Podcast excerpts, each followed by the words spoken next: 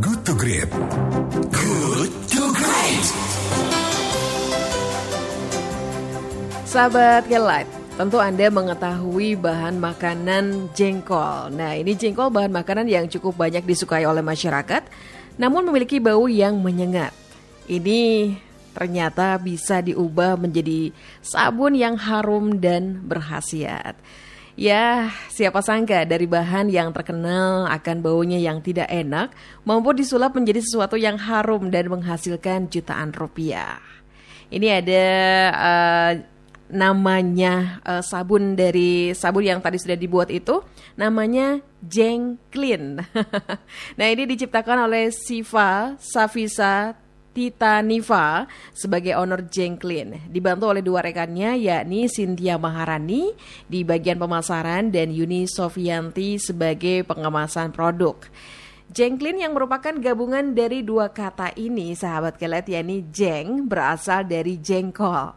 Sedangkan clean merupakan kata yang diambil dari kosakata bahasa Inggris yang berarti bersih. Ini di bawah payung CV Rumah Berkah Sejahtera, tiga mahasiswi tersebut terus mengembangkan inovasinya dan menjual produk-produk hasil olahannya. Menurut mereka, jengkol memiliki banyak manfaat, khususnya bagi kesehatan kulit. Mulai dari mengencangkan kulit hingga menghaluskan kulit, ia mengaku mampu berinovasi dengan jengkol dikarenakan tugas perkuliahan yang mengharuskan membuat sesuatu produk. Nah, bagaimana selengkapnya sahabat kelat? Kita akan berbicara bersama dengan Siva selengkapnya di In Spite of edisi kali ini.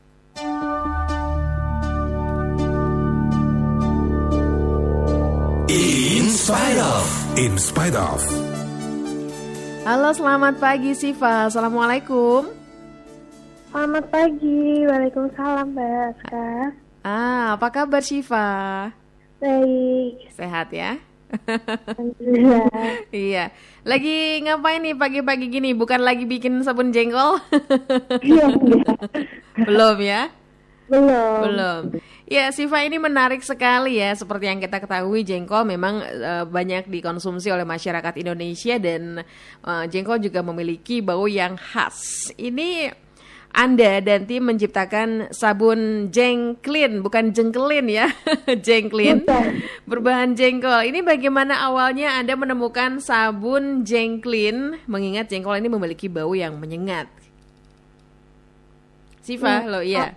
Awalnya itu kan karena tugas perkuliahan. Mm-mm. Nah, terus ya tuntutan dari dosen juga kan untuk bikin inovasi.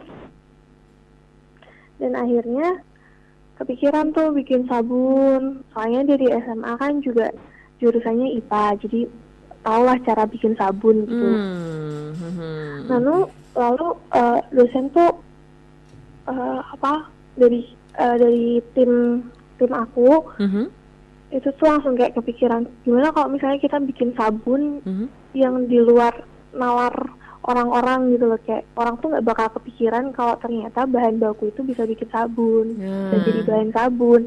Nah mulai tuh kepikiran oh gimana kalau jengkol.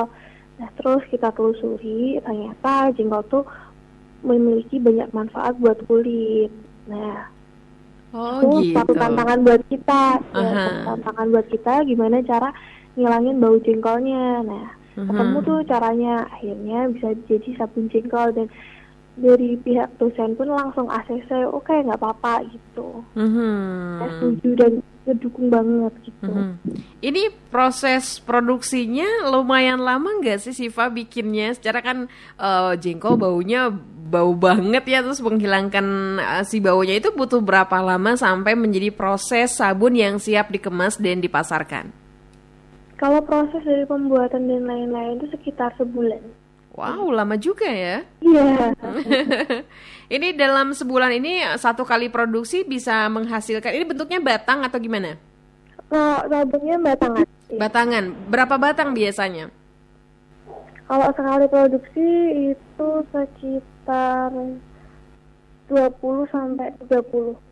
20 batang. 20 sampai 30 batangan ya.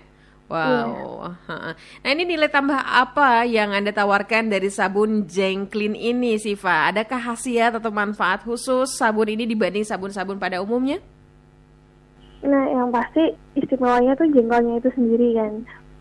Dan jengkol itu kan ternyata banyak banget manfaatnya, yaitu Mm. untuk mengencangkan kulit, untuk menghaluskan kulit, dan untuk mencerahkan, mengecilkan pori-pori. Hmm, cocok juga ini untuk sabun kecantikan wanita ya. Iya.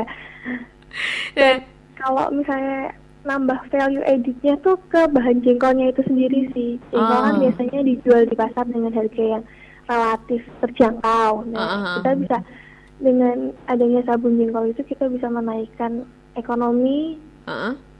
jengkol itu sendiri. Jadi kayak harga jengkol juga tidak terlalu mudah.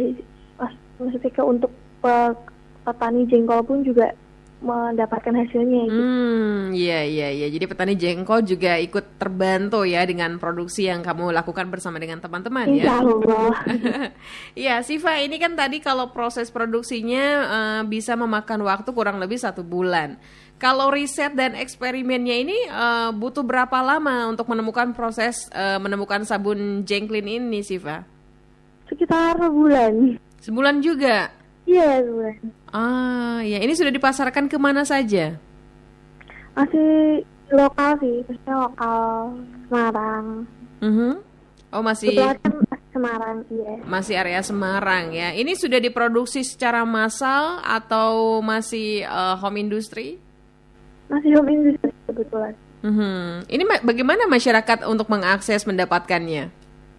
Kalau untuk eh, mendapatkan sabun jengkol tuh bisa melalui Instagram, Jengklin, atau bisa menghubungi melalui web.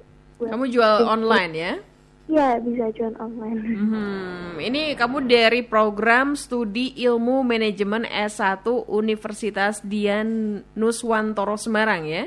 Iya, Iya, manajemen kamu eh, menciptakan sabun yang bisa menghasilkan pundi-pundi bersama dengan teman-teman. Ini gimana nih rasanya ketika kamu sudah mendapatkan penghasilan dari hasil temuan riset dan eksperimen bersama dengan teman-teman? yang pasti senang, yang pasti kayak masih senang karena bisa bikin usaha sendiri. Mhm. Terus yang pasti nanti bakal ngembangin inovasi dan Mhm. untuk ngejualnya inginnya sih sampai eh, nasional ya, Hmm. nasional dulu baru nanti pengen ke di ekspor gitu deh. bisa ke luar negeri ya? Iya. Iya.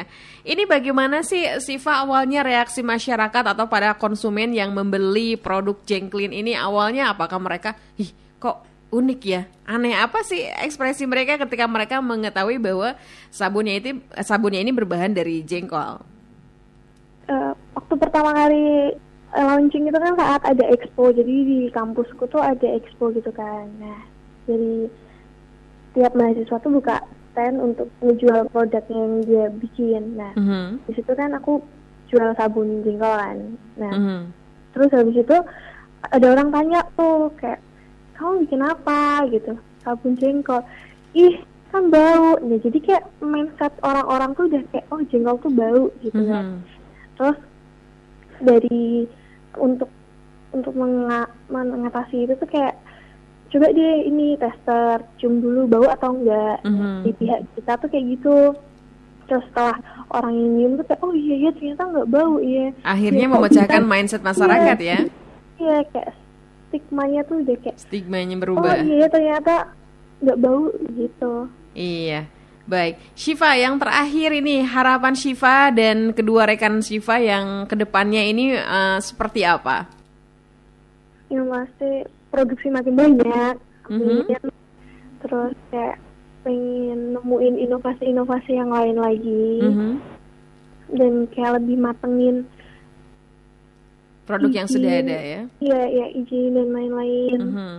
Mhm. Mhm. Mungkin ke depannya nanti akan ada sabun wortel, sabun kol, inovasi-inovasi berikutnya. juga bisa ya Baik, Shiva, terima kasih sudah mau ngobrol bersama dengan kami. Sukses untuk Shiva dan dua eh, dua rekan Shiva ya.